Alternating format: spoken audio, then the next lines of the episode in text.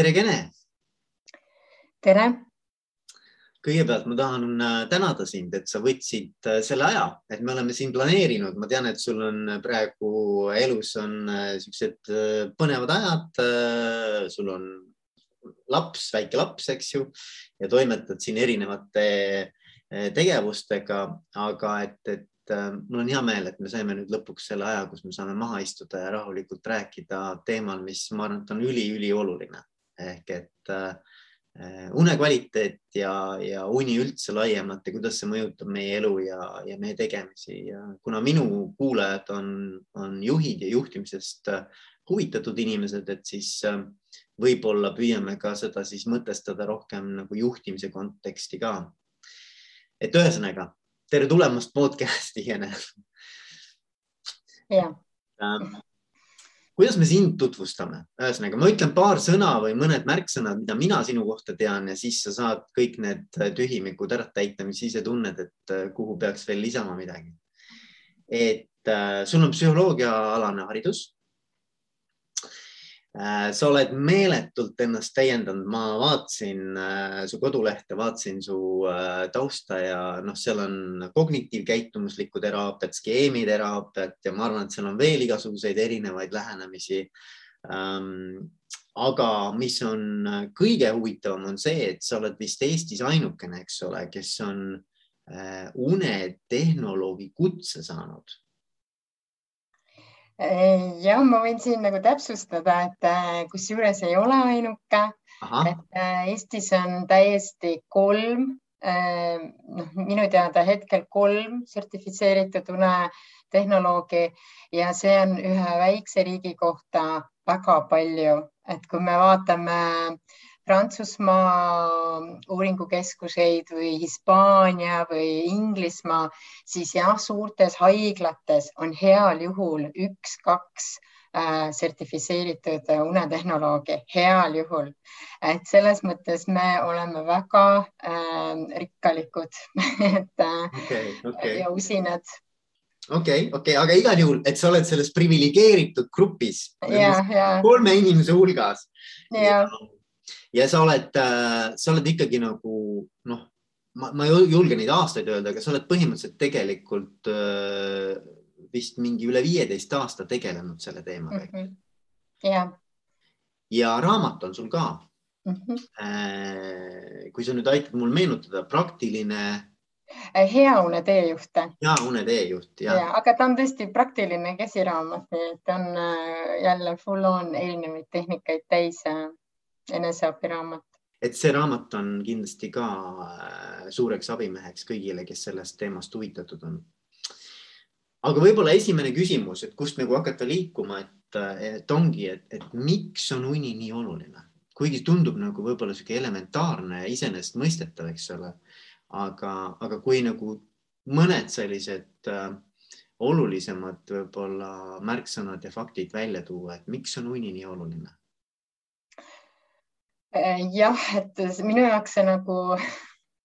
see küsimus on nagu selline naljakas, et see on elementaarne, et uni on hästi oluline, et see on fakt põhimõtteliselt. Ja äh, nii nagu Maslow püramiidis on, eks ju, kõik need baasvajadused seal kõige alumisel äh, püramiidi äh, kuubikus, et siis tõesti see baasvajadus on uni, et me üldse saaks nagu äh, et me saaks elada, et me oleksime elujõulised ja, ja me suudaksime mõelda, et me suudaksime olla aktiivsed ja kindlasti ka rõõmsameelsed ja et meie meeleolu oleks stabiilne. ehk siis sellised mit, mitu komponenti, kõige olulisemat asja ja, ja tegelikult kõik see sünteesitakse äh,, protsessitakse öösel ajus. et ähm, ja päeval me siis, kui hästi see öösel on nüüd ära äh, nagu, ähm, kui hästi sellega on tööd öösel tehtud, äh, see, seda näitab päevane käitumine inimesel tegelikult. et muidugi on toitumine oluline ja füüsiline aktiivsus ehk siis kolm komponenti. aga, aga jah ega see ongi, see, see tegelikult nii ongi, et kui me alustame näiteks imikust või väikelapsest, siis äh, N3 osakaal on äärmiselt oluline ehk sügavune osakaal. et kui seda ei ole, siis ega sellest lapsest midagi asja ka ei saa, kui aus olla, sest sügavas unes ju toimubki inimese areng ähm, äh, ja kasvamine ja see on kõige olulisem komponent äh, sünnijärgselt, kui me räägime unest ja muidugi Remmuni on meiega kohe kaasas, sügavuni kujuneb äh,. aga Remmuni samamoodi on äärmiselt oluline, kui me räägimegi unefaasidest. ma räägin võib-olla juba liiga sügavuti, aga äh, Remmuni on huvitaval kombel kogu aeg meiega elu lõpuni sama protsendiga ja kui sul küsiti, et noh, et miks see nii oluline on, siis tegelikult uneteaduses me ei tea kõiki asju, me ei tea, miks on just see unefaas nii oluline. Ähm, võib-olla me ei tea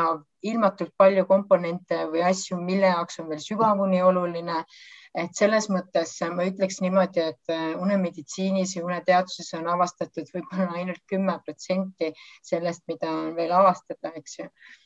et äh, igal juhul me teame läbi katsete, eksperimentide seda, et kui und on vähem, kui sulle on antud ja sa võtadki vähem, magadki vähem või ebakvaliteetse unega, siis su päevane enesetunne ja käitumine muutub koheselt. et äh, see ei ole niimoodi, et, ähm, et ah, ma olen siin nüüd aastaid maganud kuue tunniga, aga vajadus on kaheksa tundi et tegelikult juba, kui sul kümme minutit on vähem sellest etteantud ajast DNA-s on kirjutatud sulle, sinul on vaja just kaheksa pool tundi und ja sa magad kümme minutit vähem, siis see annab juba oma äh,, äh, oma tagajärje, et äh, see on nagu peenasi ja seda ei märgata, sest see on tihti kroonilist laadi ja aeglaselt kasvav ja areneb äh,. kõik need unedeprivatsiooni tagajärjed, aga need on olemas ja need on väga-väga halb, kui see nii on ja, ja, jah.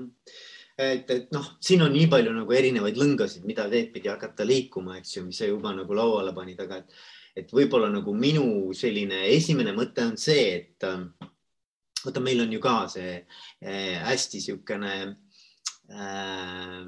noh, ma julgen nagu ikkagi üldistada, kuigi seda on nüüd vähem, aga, aga selline nii-öelda nagu töökultuur on selline, et äh, panna on vaja, vaata. et nagu, et me peame nagu ikkagi, kui sa oled nagu puhanud, järelikult sa ei ole ikkagi nagu korralikult tööd teinud e, ma utreerin, eks, aga, aga et nagu, et, et see, ma arvan, et selline töökus on nagu üks asi, mis on kindlasti eestlaste puhul äh, nagu väga-väga kõrge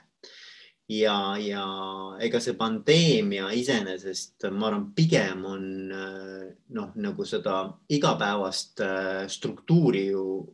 nagu sassi löönud, eks ju. ja ega ta ei ole vähendanud tööd, vaid vastupidi, ma arvan, inimesed nüüd neid piire ei tunneta enam nii palju ja et hakkavad pigem tegema tööd võib-olla mitte nagu äh, sellise nii-öelda ühe joruna, aga ikkagi nagu noh piirideta mõnes mõttes, eks ole, ja seal võib väga kergesti üle käia, see võll nii-öelda üle minna. et, et noh, et, et, et selline, ma ütleks isegi nagu sellise noh, nagu enese, no mingis mõttes nagu enese piitsutamise selline kultuur või sihuke nagu fetišeerimine, eks ole, et, et see kindlasti ju selle une kvaliteedi tähtsustamise juures nagu head rolli ei mängi, eks ei mängi, et tõsi. ja jah, mentaliteet või mõte kaheksa tundi und, kaheksa tundi puhkust ja kaheksa tundi tööd oleks esialgu mõistlik eesmärk. ja samas me näeme uuringute tagajärjel, et kui inimene on ikkagi ilusti oma unevajaduse kätte saanud, äh, õigel ajal magama läinud, saanud aru, milline kronotüüp ta on siis, äh, äh, siis me näeme, et tema efektiivsus päevasel ajal on väga hea ja ta võib sellesama töö teha ka ära lühema ajaga, palju efektiivsemalt, palju, palju kasulikumalt, äh, palju tulemuslikumalt, et tema esiteks õpivõimekus on palju parem, tähelepanu keskendumine on palju parem, tänu sellele on tema mälu parem et äh, tal on energiat äh, ja, ja, ja nii ongi, seda me näeme äh, kui sa, kui, kui see osa oleks nagu korras, siis äh, muutuks nii palju asju, aga et aru saada tuleb eh, tekitada, et tekitada see võimalus endale, et see une osas korda seada ja siis järjepidevalt hoida seda und, eks ju, et eh, ja siis hakkavad tulemused tulema. see ei ole niimoodi, et no nüüd ma täna, täna magasin kaheksa tundi, nüüd ma olen homme nagu kõige kõvem vend üldse. ei ole nii sa oled ikka veel unedeprivatsioonis ja sa oled jätkuvalt seda, kui sa järgmine päev magad ikka kuus tundi ja ehk siis sa oled ebaregulaarse unegraafikuga ja sa igal juhul unedeprivatsiooni, et sellest sa ei vabane enne, kui sa oled vähemalt kuu-kaks olnud väga kindla unepikkuse, uneajakavaga mm,. Mm. aga mis, ütleme niimoodi, et, et nagu, mis on veel sellised trendid nagu mõtlen nagu laiemalt või siuksed, nagu sa ütlesid ka sellised ähm, nagu suhtumised või, või, või praktikad nagu ühiskonnas, et mis mõjutavad seda magamise kvaliteeti või, või une kvaliteeti, et mm. -hmm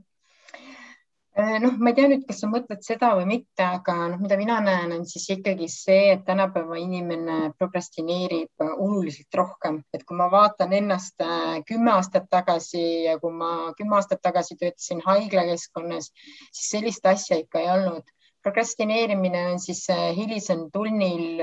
täiesti mõttetute asjade tegemine une, une arvelt nii-öelda ja see bedtime procrastination ja binge watching ehk siis kompulsiivne vaatamine, erinevaid sarju, heakuulus Netflix on tulnud äh, oma kõige paremate versioonidega ja tegelikult need kõige kõvemad vennad, kõige kõvemad juhid äh, istuvad õhtul äh, kümnest kaheni ja istuvad ja vaatavad oma sarju ja asju. et äh, see on siis selline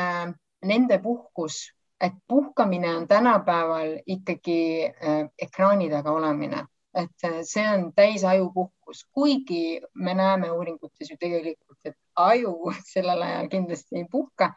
et äh, see on selline täis petukaup.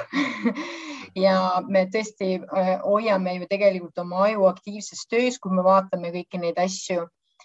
ja seda veel une arvelt ja hommikul tulles üles siis paljud tunnevad ka seda süüd. Äh, ja äh, on olemas siis selline äh, selline nähtus nagu revenge bedtime procrastination, see tuleb Aasia riikides, kus siis, kus töötunnid on hästi pikad, kaksteist, kuusteist tundi tegelikult ja seal on siis see revenge ehk siis see kättemaksu himu,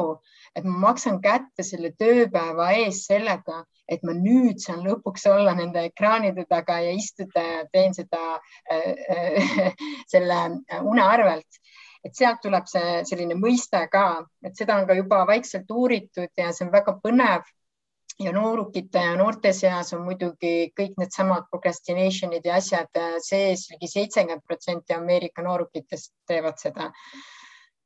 ja noh, ja kusjuures see protsent langebki kenasti kokku sellega, kuidas Ameerikas siis äh, just noorem generatsioon siis magab alla seitsme tunni ligi, ligi seitsekümmend protsenti on neid inimesi, kuigi mm. geneetiliselt ei ole inimene veel võimeline alla seitsme tunni ikkagi nii lihtsalt magama. Neid inimesi on väga-väga vähe, kellel on see äh, nagu noh äh,, loomuomane jah, et see on nagu loomuomane rütm ja, ja unepikkus. Heal juhul kahesajast üks või kaks on sellise unepikkusega ja oma praktikas ma võin ka öelda, et need, kes tulevad äh, ja ütlevad, et kuus tundi on jumala okei okay minu jaoks ja kui me teeme siis mõned tehnikad läbi ja seda und tuleb ja tuleb ja tuleb muudkui juurde, jõuab sinna kaheksa peale välja, et siis inimene on ise ka üllatunud, et issand, päriselt mul ongi nii palju und tegelikult. appikene, kuidas kuidas see võimalik on vot, et see nähtus on siis tegelikult selline nähtus, mis on siin kõige populaarsem ja kõige, kõige aktiivsem ehk siis äh, puhatakse õhtul väga hilja mm. -hmm. ja jäädakse kinni, eks ole, sellesse nii-öelda nutisõltuvusse mõnes mõttes. jah, et äh, noh, nii nagu ka Jaan Aru on, eks ju, väga palju rääkinud ja paljud ajuteadlased, et äh, äh eks ta stimuleerib meie aju kõige paremat poolt ja töötab nagu kokaiin, et ta saab seda stimulatsiooni see serotoniini ja adrenaliini ja endrofiinide, mitte endrofiinide, aga äh, dopamiini osakaal tõesti muutub ja, ja ja, ja ta tahab seda veel. Ja see ongi see sõltuvuslik käitumine, mis hakkab siis kujunema. Ja väga paljudel tippjuhtidel ka on sõltuvuskäitumisi, et ja obsessiivkompulsiivseid käitumisi muidugi, see tuleb perfektsionistlikust äh, isiksusest ja kõigest nõudlikkusest ja tavaliselt, kes on juhid ja, ja kõrgemal, siis neid, nendel äh, temperamentitüüpides ja üldse nende isiksustüüpides ongi seda palju-palju rohkem, seda nõudlikkust, perfektsionismi, anakassust ja kõike seda. Ja see on väga vajalik, aga see võiks olla natuke tervislikum. Et sest nad ise on äh, kogu oma käitumise kõige suuremad ohvrid ja, ja, kahjuks äh, tarbivad ka erinevaid siis äh, aineid omale sisse, mis mõjutavad une kvaliteeti jälle otsapidi, eks ju, teiselt poolt. igasugune ravim, igasugune stimulant, ükskõik mida sa tegelikult tarbid, on see isegi kõrge, kõrgvereravim, mõjutab une äh, faase ja kõike seda. nii et mm. -hmm, mm -hmm ja no ma mõtlesin, et noh, siin sa tõid sisse nagu isiksuse ja temperamendi ja noh, see on ka hästi põnev teema nagu, kust, kust võiks nagu, ma arvan, täiesti eraldi rääkida, eks ju, aga üks asi, mida ma tahtsin küsida su käest, on see, et vaata selles Neo triis, eks ju, see Big Five äh, isiksuse tüüpide tüpoloogia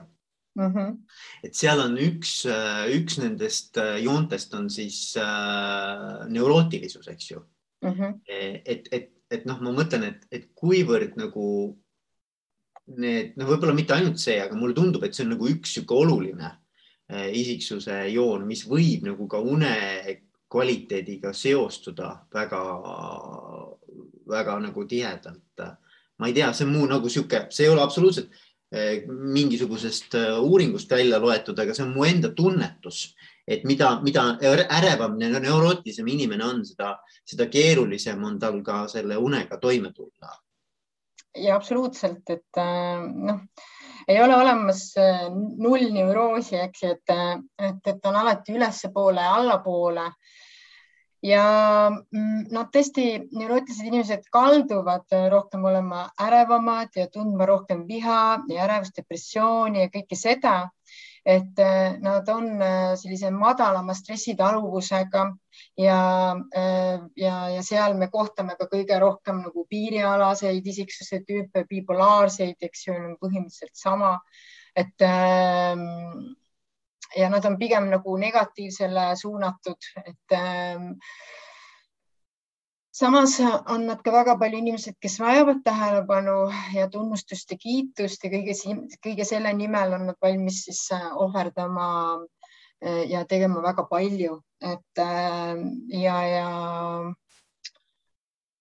ja, ja tänu sellele, et nad kõike seda emotsionaalselt kogevad või on vastuvõtlikumad, siis muidugi neil ongi erinevaid nii-öelda neid häireid ja unetus selles mõttes, kui me nüüd viime need asjad kokku, siis eh, jah, no mina, ehm, ma küll hindan isiksuse häireid ka. Eh, aga eh, tänapäeva psühholoogid enam nagu ei lähene sellele, et me kuidagi nüüd, et hakkame diagnoosima nüüd, et mis tüüp ta on või et äh, pigem on hästi oluline, et isegi kui tal on see oma eripära, jah, et äh, kes siis perfektsionistlikum, annab kasvem pool on ju, või siis äh, neurootilisem või seal on noh, eks ju kõik muud äh,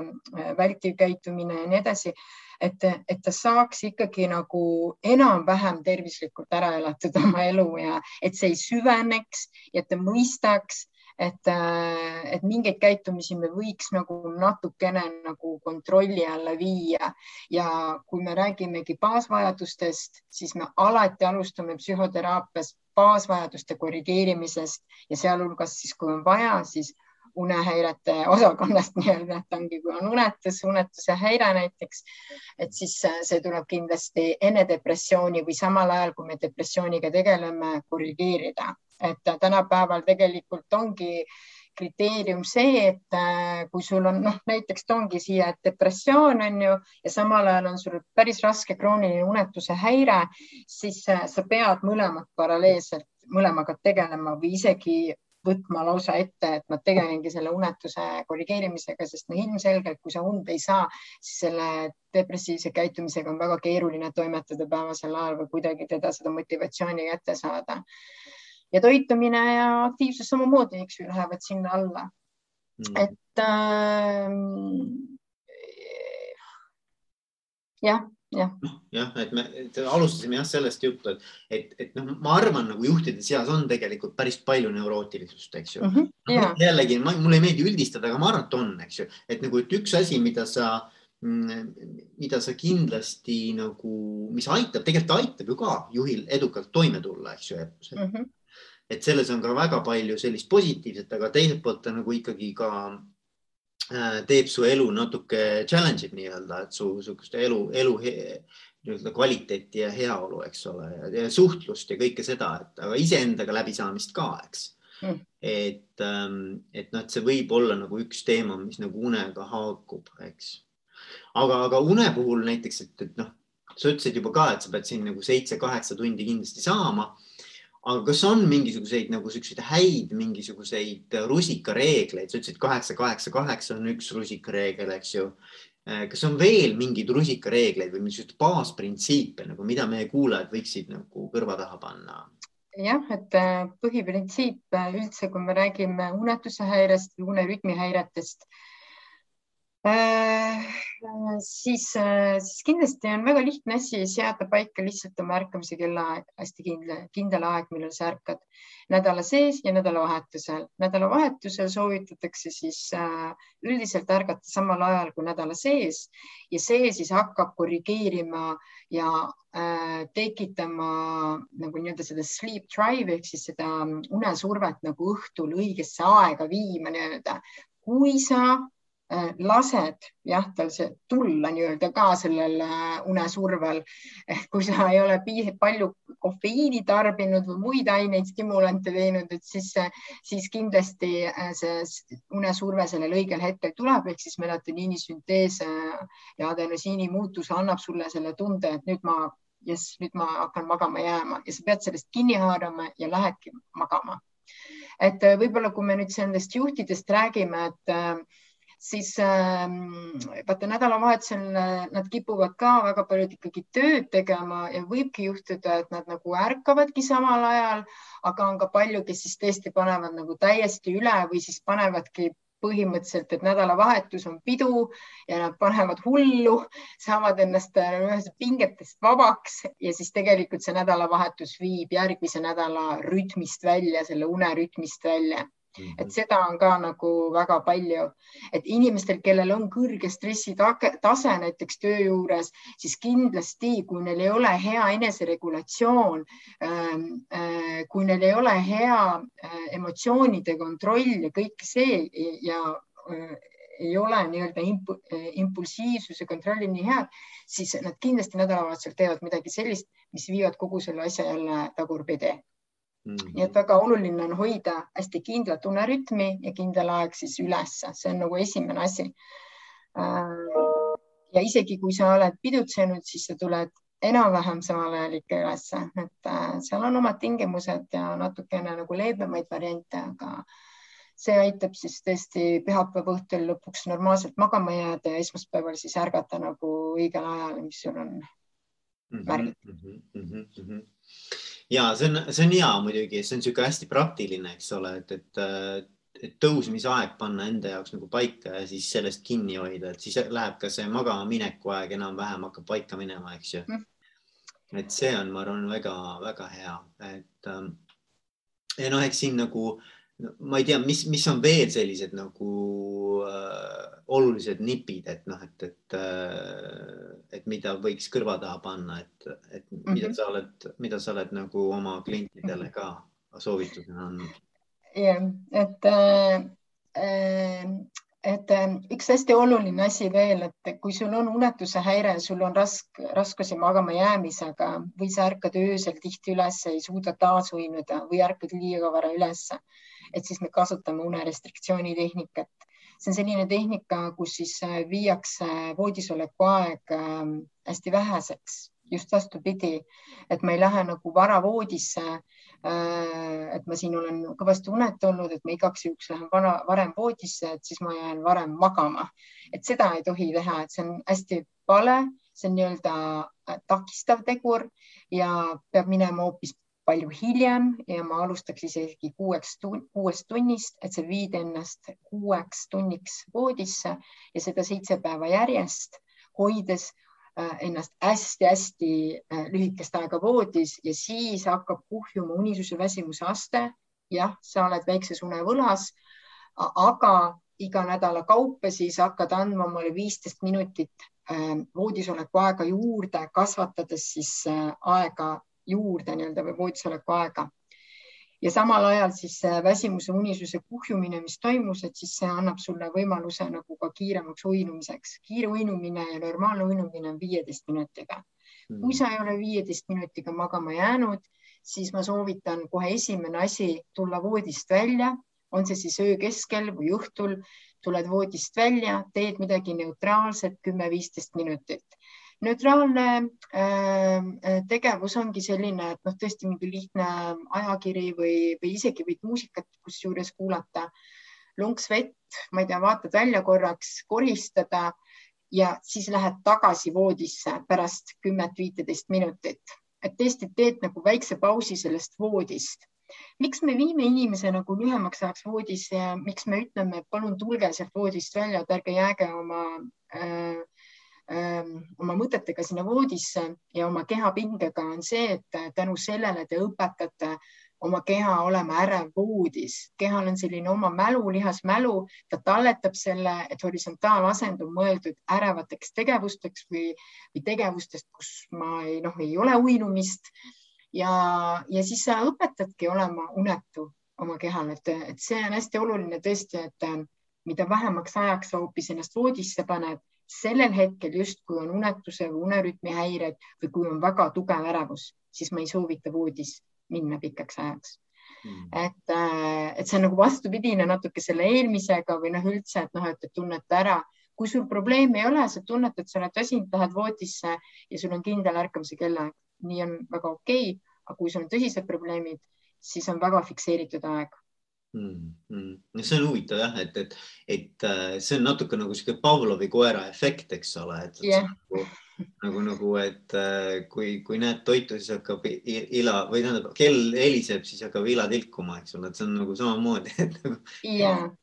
seda tehnikat, seda voodis väljatuleku tehnikat nimetatakse stiimulikontrolli tehnikaks, et see ongi nagu ähm, jah, kontrolli all hoida seda ja, ja, ja aga, aga ütleme veel nagu, et, et äh, mis see keskkond näiteks, et näete, et kui mõelda oma magamistoa peale, et äh, et mis on nagu selle keskkonna juures oluline, et mida silmas pidada mm? -hmm kui me jällegi, kui ma tulen oma klientide juurde ja praktikas näen, kuidas äh, just sellised juhtidel nagu tegelikult ega need on kõige ärevamatel inimestel ongi ja kes, kellel on küll stress, keskkonnas võib häirida iga asi, eks ju, iga müra tekitaja on sulle häiriv ja siis sa üritad seal olla äh, selles müras. nii et tegelikult äh, ma soovitan tõsiselt tegeleda sellega, et sinu magamiskeskkond on müravaba. müravaba tähendab seda, et sul keegi kõrval ei norska, et sa ise ei norska, et sa, et sul ei ole mingit ininat ja pininat, Äh, ventilatsioonimüra väga paljusid häirib. et esialgu iseenesest äh, on mürasid, mida me saame vähendada, aga on muidugi mürasid, mida me ei saa vähendada. ja, ja ähm, võib kasutada kõrvatroppe, et see ei ole üldse patt seda teha, aga neid peab harjutama ja kui me oleme väga neurootilised näiteks kasvõi see, siis ähm, nad peavad ikkagi pikemat aega harjutama, sest et nad on ebamugavad, kõrvad võivad hakata valutama ja, ja me, ja me mitu nädalat harjutame. sest et kannatada ei tasu. ma ei soovita valge müra efektiga ennast magama panna, kuigi äh, antud kesk, teatud keskkondades on see vältimatu, et kui sul on ikkagi väga kindlal kellaajal mingisugune buss sõidab või rong sõidab või ongi väga spetsiifiline heli ja, ja kui sa paned selle tagatausta müra endale tööle ja suudad sellele nagu oma tähelepanu hoida, siis tõesti see nagu võiks nagu aidata. aga jällegi kehal on oma õppimismetoodika ja ta nagu õpib ära, et ühel hetkel näiteks, kui seda müra efekti ei ole, seda valge müra efekti, siis ta enam ei maga ka et äh, ta ei ole harjunud enam äh, näiteks vaikses toas magama, vastupidine efekt, et siit mm-hmm. tekib jälle selline noh, jälle selline probleem ja kui aus olla, siis ähm, mul tuleb praegu mõned inimesed meelde, kellega ma, kellel ei ole, kellel on vältimatu, kes ei saa kõrvatroppe kasutada, kes ei saa, mm, kes ei talu üldse mingisuguseid muusikat, aga ikkagi kõik häirib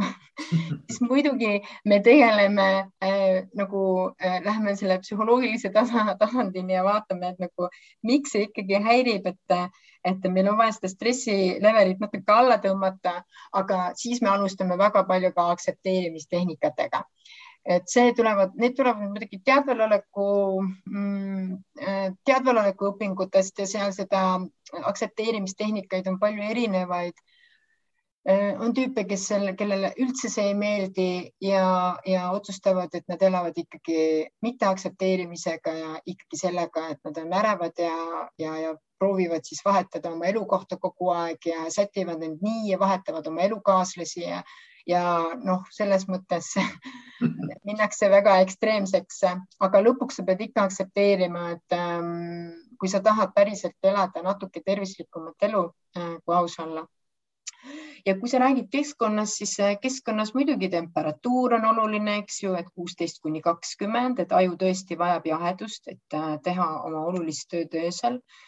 Ehm, ja kehatemperatuuri tõusu me ka öösel ei taha, et see kohe mõjutab, ehm, mõjutab hormoonide tööd ja me muutume väga ärksaks, nii et ehm, noh, seda jah, ei tahaks ja teine tegur, mis eestlastele võib-olla suvel siis kimbutab, on ikka väga valge tuba. et pime peab olema, et kui päeval peab olema väga valge ja kui sa oled kontoriinimene, siis kindlasti eestlane peaks kasutama päevavalguslampi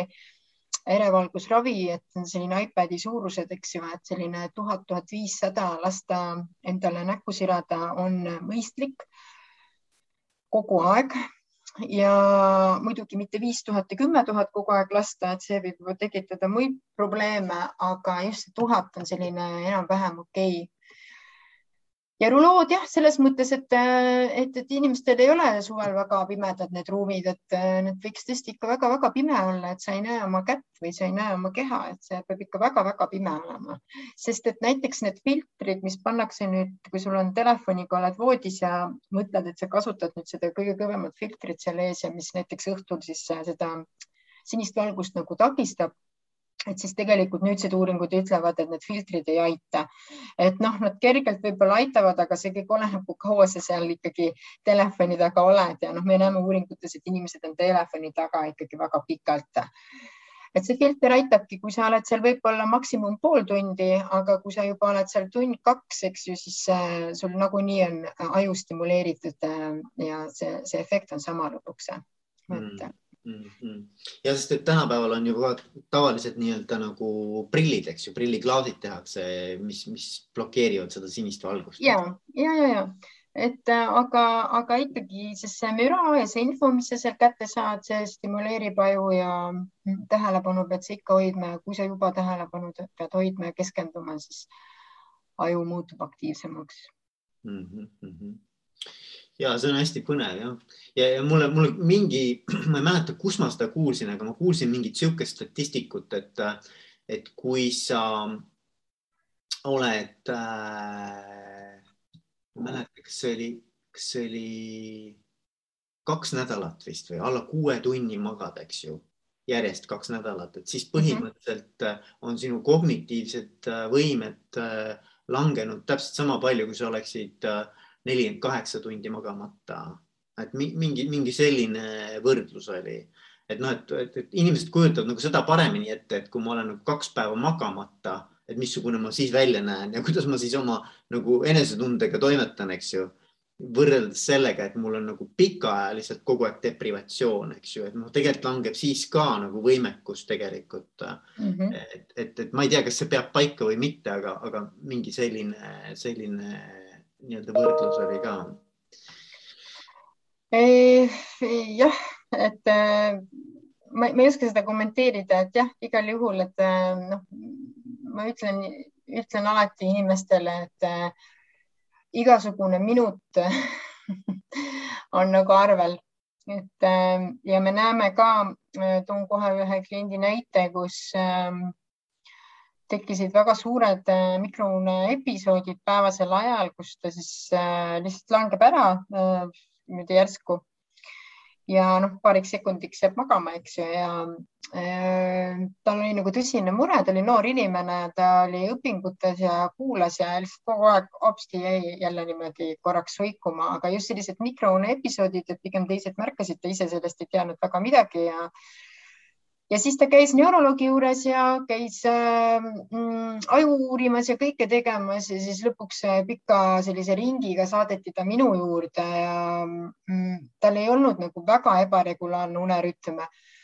kergelt nädalavahetusel magas liigselt palju ja, ja noh, noore inimese puhul oleks võinud unepikkus pikem olla, et tal oli seal seitse koma viis äh, tuli keskmine ja kui me siis ikkagi tegime unekasvatust ja vaatasime, mis kronotüüpi ta ikkagi on, et millal see melatoniini süntees ikkagi kõige parem tal on ja leidsime selle õige aja,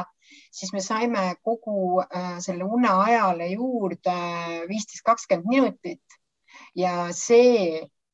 tõi sellise tulemuse, et tal ei tekkinud enam mikrouneepisoode. aga tegelikult mõtle, kui väike muutus on ju. jah, vot sellepärast ma ütlengi, et, et, et see on selline vau, et tegelikult jah mm -hmm., jah et. Äh, aga, aga Kene, räägi, minu arvates see on ka põnev teema, see kronotüüpide teema, eks ju et mm. noh, mina olen sellega kokku puutunud läbi läbi sellise raamatu nagu Daniel Pinkil on When, et ma ei tea, kas see on eesti keeles ka vist on, on tõlgitud, võib-olla ei ole. et, et ta tegi uuringu seal, et erinevad inimesed, et millal nad miskit asja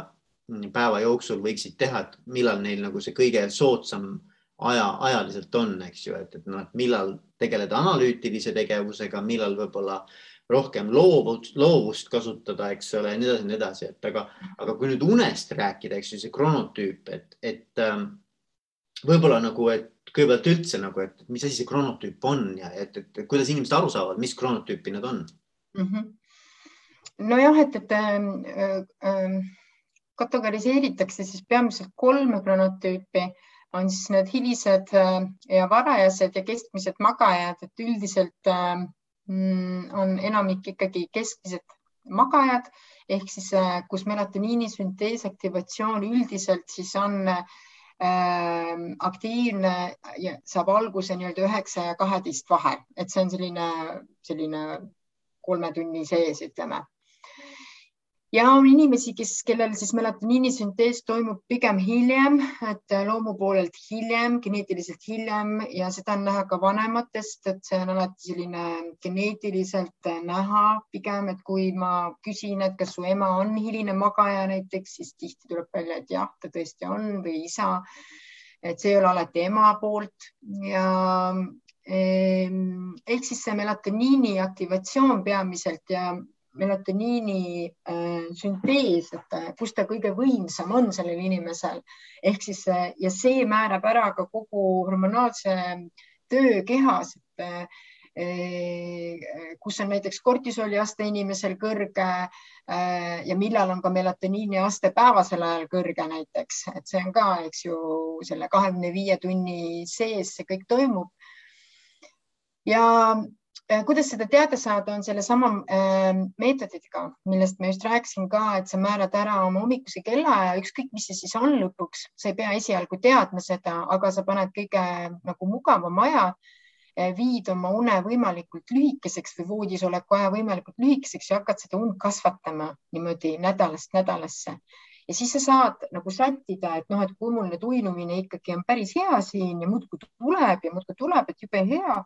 siis aga näiteks ärkamine toimub juba liiga vara, siis sa tõmbad kogu selle süsteemi natuke ettepoole, et sa hakkad kasvatama seda und rohkem ettepoole ja määrad omale uue ärkamise kellaaja või vastupidi, siis äh, inimesed, kellel on äh, uinumisega probleeme, et nad määrasid kella seitsmese ärkamise aja, äh, hakkasid kell üks magama minema, siis oli juba päris hästi, kaks nädalat oligi hästi, aga kui nad jõudsid kaheteistkümne peale, siis enam uinumist ei toimunud nii head. Järelikult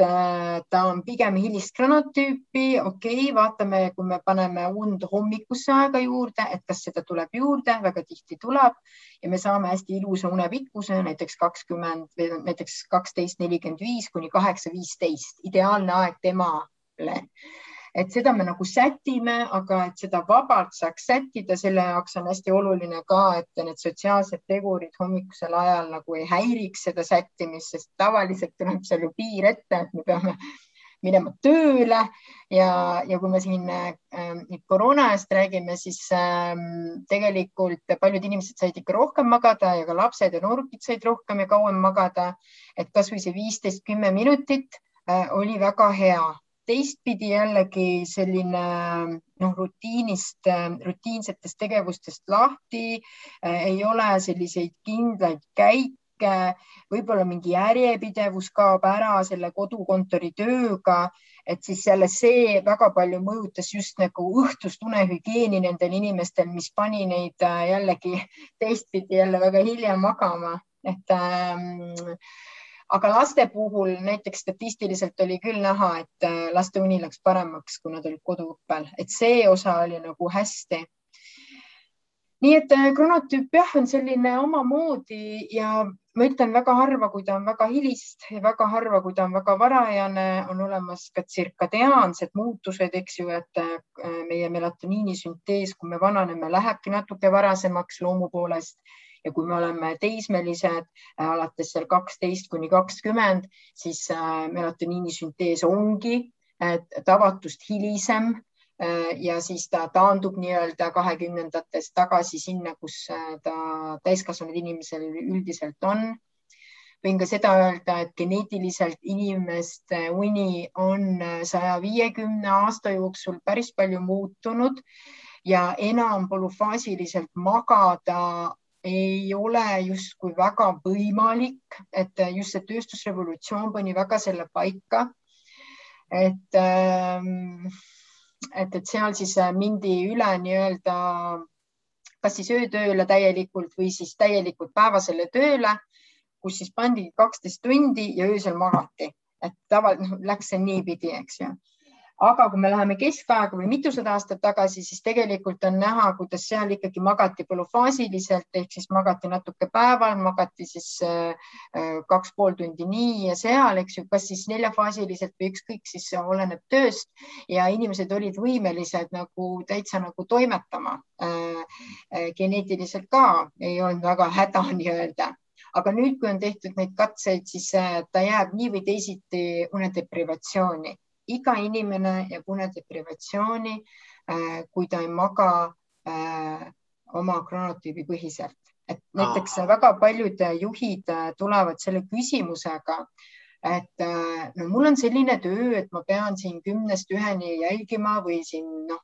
näiteks aktsiaturud, eks ju, näiteks on väga hilja näiteks kuigi nad lõpevad kell üksteist üldiselt ära, aga ikkagi siis sa hakkad toimetama oma vaba ajaga võib-olla et, et siis seal on küll näha, et äh, küsitakse, et noh, et kas see on okei okay,, kui ma ikkagi siin üks-kaks lähen magama, aga ma saan magada hommikul üheksani näiteks mm. -hmm. ei, ei ole, sellepärast et sinu melatoniini aktivatsioon on tegelikult kümne ajal, me näeme äh, ühe ajal ta enam nii tugeva survega ei ole, ta ei ole nii pikk, ta ei ole nii äh, noh, ta ei ole nii jah, ta ei ole nii hea ja sa jääd ikkagi ilma ja aja jooksul hakkab vähenema sügavune hulk ja, ja sügavune hulk peamiselt. nii et ähm, jah, sa ei saa muuta seda väga. siis küsitakse, et aga kui palju ma muuta saan kui palju ma saan mängida oma kronotüübiga, et kas ma saan teda petta, kasutades melatoniinravi näiteks onju. et äh, melatoniin on siis käsimüügiravim onju äh, selline toidulisand justkui, et me võtame ta lisana ja melatoniiniga ma ütleks nii palju, et ärge seda tehke, et melatoniini on küll uuritud mitukümmend aastat ja on nähtud seda, et kui sa seda pikaajaliselt võtad, siis ta tõmbab sul kaalu üles, pluss sul on erinevad kõrvalsümptomid, mida sa võib-olla ei panegi võib-olla tähele kohe. aga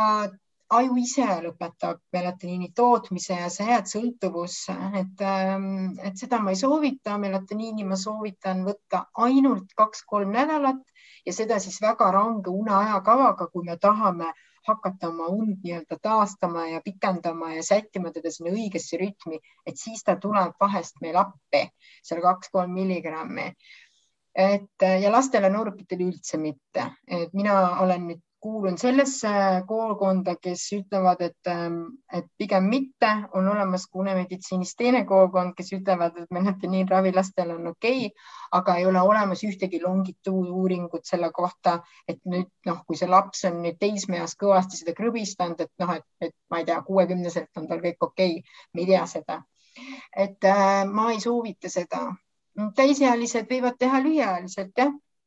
aga kui sa melatoniini krõbistad äh, ühel õhtul kümme, kell kümme, teisel õhtul kell üks, kolmandal õhtul kell üksteist, siis ei ole sellest mitte mingit kasu, et äh, pigem äh, sa lõhud oma und ja viid veel hullem, hullemasse seisu. Mm.. jah. Ja väga, see on väga oluline, ma arvan, mis, mis sa ütlesid, et, et, et kui sul on kronotüüp, mis põhimõtteliselt on ikkagi, ma saan aru, geneetiliselt suuresti määratletud, eks ole. Yeah et siis äh, sede, sellega nagu, nagu mängida on, on nagu vale, et, et sa ei, sa nagu väga sellega nagu seda petta ega seda nagu mõjutada nagu ei saa, et, et äh, see on keeruline, eks. see on keeruline jah, et sa võid noh, natukene seal pool tundi või maksimum tund kuidagi elada oma elus natuke hilisema ajaga. noh, kolmekümnendates ma seda enam ei soovita, sest sa siis ikkagi üsna drastiliselt vananed. noorena võib teha neid eksperimente lühiajaliselt ja teha ka öötööd ja kõike seda. aju on plastiline taastub. Ähm, aga kusjuures äh, ikkagi on ka uuringud, äh, mis ütlevad, et kui sa noorena ikkagi oled oma unega drastiliselt ringi käinud ja mitte seda väga hoidnud, siis nendel inimestel olid ka vanemas eas unega rohkem probleeme. okei okay jah, mm-hmm. Et äh, noh, see on muidugi seotudki nende deprivatsiooni tagajärgedega, et nad hakkavadki kiiremini mingeid ravimeid võtma, neil tekivadki kiiremini kroonilised haigused, veresoonkonna haigused, migreenihood, peavalud, liigeshaigused, kõik need asjad tulevad nagu kiiremini. meditsiin jällegi on väga hästi arenenud, eks ju ja ütleb, et kuule, et see on jumala okei okay,, et me parandame su siin kahekümnendates ära, me paneme selle rohu peale. Äh, ja, ja jah, et inimesed jäävad praegu kiiremini haigeks, neid tehakse ka kiiremini korda, aga mingite ravimitega sa oled elu lõpuni ja see ravim ikka lõhub, eks ju mm. -hmm. et ähm, jah ja, ja see on jah ja, ja, ja siis noh, siit mul jälle tekkis nagu mõte, et, et, et vaata, et kunagi oli ju ikkagi selline Äh, piinamisviis oli, eks ole, unedeprivatsioon, eks, et, ähm,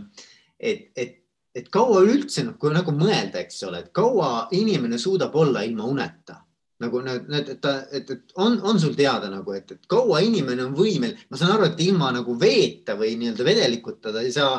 mm, üpris noh, üpris vähe saab hakkama, eks ole, toiduta saad kauem hakkama, aga, aga kuidas ilma uneta on? Uni on tõesti selline mm, mm, nendest variantidest, noh, vesi on kõige olulisem, et võib-olla vesi tuleb kiiremini, mida sa vajad, aga ähm, noh, on tehtud erinevaid katse, katseid, vanasti tehti just toredaid katseid, aga mm, mul tulevad siin praegu üks noormees, kes tegi katset üheksateist päeva ilma uneta. ta oli noor inimene ja see oligi eksperiment ja tal äh, tekkisid pöördumatud kahjustused ajus selles mõttes, et ähm, see taastusprotsess ähm, oli aastaste, aastate pikkune. Ja just, just see kognitiivne osa, eks ju, see nagu läheb väga-väga halvaks ja noh, umbes nagu kui sa kanepit tarbid noor, noor, noorukina, siis on ka pöördumatud tagajärjed tegelikult, aga ta tuli sealt välja äh, ikkagi noh, ta jäi ellu -hmm. ja tõesti ähm, noh,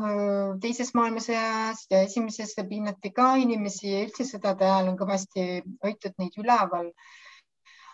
aga mul on kuidagi meelde jäänud, ma võin nagu siin eksida äh, see võib, minu meelest võis olla poolteist kuni kaks nädalat äh, on selline aeg nagu, mis on väga kriitiline, et sa võid nagu langeda seal selle sees. on väheseid, kes panevad sealt üle ja, ja see kõik oleneb, mis on sinu seisukord, eks ju, et mis, mis, kuidas sa, kui terve sa oled või kui vastupidav sa oled nii-öelda mm. -hmm. aga ma mäletan ka enda ajast, et ma olen olnud kõige kauem üleval seitsekümmend kaks tundi ja no mul tekkisid küll hallutsinatsioonid ja mul oli ikka väga keeruline, pärast seda ma magasin äkki vist kuusteist tundi järjest ja see oli päris hea. Et, äh, et ma mäletan lihtsalt seda, et väga kiiresti, väga kiiresti läheb asi ikkagi nagu allamäge. Ma ei oska sulle neurobioloogiliselt äh, isegi seletada, aga vaata, äh, aju puhastub äh, toksilistest ainetest, mida ta päeval nagu saab, kogub põhimõtteliselt, põhimõtteliselt on sellised toksilised mürgised ained ja kui ta ei puhasta nendest, siis ta on põhimõtteliselt töövõimetu see on nagu vana arvutiga, eks ju, mida sa pead vahepeal startima ja võib-olla salvestama mõned asjad natuke parematesse kohtadesse kui desktopi peale. et, et, et siis, siis kindlasti nagu see ajuga on põhimõtteliselt sama, aga tal juhtuvad need asjad nagu kiiremini ja, ja taastus äh, on mõnikord pöördumatu jah, et ähm, ja, ja, ja mul, mul tuleb sellega meelde, et, et on mingisugused äh, võistlused, spordivõistlused, eks ole, mingisugused siuksed äh, äh, pikad äh, multispordiüritused, kus sa oledki kolm-neli päeva, sa oled kogu aeg nagu liikumises, vaata mm. -hmm. ja, ja, ja no ma olen ise kunagi nagu pikamaa jooksu teinud ja, ja siis ma imestasin näiteks, et oli üks vend, äh, kes äh, rääkis, et ta sleep run ib, mitte ei sleep walk'i, vaid sleep run ib ehk et ta on suuteline sa suuteline magama joostes, no ma, ma ei kujuta ette, kuidas see täpselt käib, eks ole aga et ta jooksis näiteks viissada kilomeetrit järjest. noh, et, et, et kui sa mõtled ajaliselt, siis see ei ole lihtsalt võimalik, et ta noh, ta peab olema nagu päris pikalt üleval, eks ole. et ähm, et, et, et noh, et, et siuksed nagu huvitavad äh, inimpiiride kompamised, eks, et mis on võimalik ja mis ei ole võimalik. Mm, ja vot jah, kui sa oled veel füüsiliselt hästi aktiivne, siis energiakulu on palju ja energiataastust on vaja seda sügavunega. ja ma, ma ei kujuta ette, see on päris hull päris hull ja ta pidi kindlasti nüüd siis magama, tegema oma mikrone episoode, mida on võimalik teha väga edukalt äh, autot juhtides või ükskõik äh, äh, korraks käid ära ja sa, sa lihtsalt, see keha võtab selle, et see, see, sul ei ole kontrolli, et see seal mingi hetk tuleb see piir peale, et sul kaob see kontroll iga, igal juhul ära ja, ja see kontroll võib kaduda väga kiiresti et äh, mõnedel juhtudel, äh, kes on kolmkümmend kuus tundi üleval, mõnedel juhtudel nelikümmend kaks või, või mis iganes, et äh, see kõik oleneb muidugi jah, nagu ma ütlesin ka seda vastuvõtlikkusest, et ja vastuvõimest, et jah noh, seda me muidugi ei propageeri, et ma, ma arvan, et sellest tänasest jutuajamist ma loodan, et jääb nagu kõlama pigem see, kui oluline on ikkagi nagu äh, täisuni saada ja korralik mm -hmm. uni ja magamine ära teha, et, et ja, ja noh, kui me mõtleme selle peale, kui palju see meie meeleolu ja meie võimekust ja meie nii-öelda nagu teravust ja tähelepanu ja kognitiivseid võimeid mõjutab, et siis no ma arvan, juhtimises on see hästi-hästi oluline, kõigis valdkondades on oluline, aga noh mm -hmm., ma arvan, et seal nagu see võib-olla see, mm, see mõju on lihtsalt nii suurtele inimmassidele, vaata noh, inimhulkadele, et äh, et kui see, kui see juht ikkagi ei ole korralikult taastunud eelmisest päevast või eelmisest perioodist, et siis äh, see on nagu äh, kahjulik, eks, et mitte ainult talle endale, vaid, vaid ma arvan, et kogu, kogu sellele seltskonnale ja organisatsioonile. jah, absoluutselt, ma olen nõus kuule, aga Kene, nüüd ma vaatan, et meil hakkab aeg, aeg tiksuma otsa, aga eh, jube kiiresti on läinud see tund väga kiiresti. aga, aga, aga ma tahtsin küsida lõpuks, et kas on midagi, mida ma võib-olla ei ole küsinud, mida sa tahaksid veel siia lõppu jätta meie kuulajatele? jah, et äh, võib-olla siis üks komponent veel, mis on nagu ääretult oluline, et ähm kui me oleme sellise äh, kui me ei tegele nende muremõtetega või negatiivsete mõtetega, siis tegelikult need ikkagi kuhjuvad ja need muutuvad hästi kiireteks automaatseteks mõteteks, mis käivad sisse-välja, aga mis lõhuvad emotsioone. et sa võid isegi nagu nendest nii-öelda neid vältida, jah, olla hästi tubli, aga emotsionaalselt sa saad igal juhul kannatada, mis tähendab seda, et minul siit üks selline nipp veel, et proovige muretseda, võtke omale kindel mureaeg päeval viisteist minutit minutit ja äh, pange oma selline tugevam mure või probleem kirja ja, ja, ja analüüsige natuke see enne ära, kui te seda hakkate tegema, kas siis voodis või vahetult enne voodisse minekut. ja noh, selle jaoks muidugi on internet täis ka erinevaid siis selliseid mõtete päevikuid aga lihtsalt äh, võib-olla küsige, küsige kaks küsimust, et mis on kõige hullem asi, mis saab juhtuda selle situatsiooni pärast ja kui tõenäoline see on, et see juhtub. Et te saate sealt natukene lihtsalt edasi minna sellest kõige-kõige kiiremast automaatsest mõttest, mis võib olla siis see, et apikene, ma ei jõua enam. et äh, okei okay,, et aga mis siis saab, kui sa ei jõua enam? no siis mul juhtub see asi, no okei okay,, aga mis siis saab? proovige vähemalt seitse korda küsige, mis siis saab ja siis te jõuate alati, ala, jõuate alles siis nii-öelda selle päris alateadliku hirmu mõtte juurde, kuhu te kindlasti ei taha jõuda ja saate siis küsida, kui tõenäoline see on, et eh, mis on noh, ebaratsionaalne võib-olla pigem, eks ju et, et kasvõi seda teha nagu päevasel ajal kümme-viisteist minutit ja õhtul on natuke parem olla ja see on hästi-hästi kihvt, et sa seda ütlesid. mul tuli sellega meelde, et on üks niisugune vend nagu Tim Ferris, kes on äh,, propageerib sellist harjutust nagu fear setting, mitte goal setting, aga fear setting nagu hirmu mm, -hmm. hirmu sättimine ja ta mm -hmm. no põhimõtteliselt noh, ta teeb midagi sarnast, mida sina praegu nagu ütlesid, et, et äh, pane kirja kõige hullem, mis võib juhtuda, et kui sa oled mm -hmm. nagu noh, ta teeb seda siis, kui tal on vaja otsustada midagi elus mm. -hmm mingid suured otsused, eks ole, et miski hoiab tagasi, et noh, ma, ma pean selle valiku tegema, miski tõmbab, miski hoiab tagasi ja siis panna kirja, mis on kõige hullem, mis võib juhtuda, eks ju, kui ma nüüd tegelikult teen selle otsuse, et, ähm, et noh, et seal on mingi risk ka, eks ju mm. -hmm. ja, ja, ja siis, et äh, ja siis järgmine küsimus on, et aga, et, et mis ma saan teha siis, et kui see päriselt nagu juhtub et mm -hmm. ma võimalikult väikese kuluga sealt nagu sellest situatsioonist ikkagi tervelt välja tulen, et mis, mis, mis, mhm. mis see kulu nagu on või mis see nagu kahju võib olla, eks ju mm. -hmm. ja, ja kolmas küsimus on, et mida ma saan täna juba teha, et vähendada tõenäosust, et see juhtub, isegi kui ma valin selle tee mm. -hmm. et, et noh, et hästi kihvt ja, ja ma arvan, et see on väga hea soovitus, et inimesed mõtleksid läbi ja paneksid kirja. ma arvan, see kirja panemine on nagu protsess omaette, eks ju, et sa saad enda peast need välja, et sa saad nagu kuhugi nii-öelda nagu mustvalgel nad kirja. Et, äh, et see aitab kindlasti neist ka vabaneda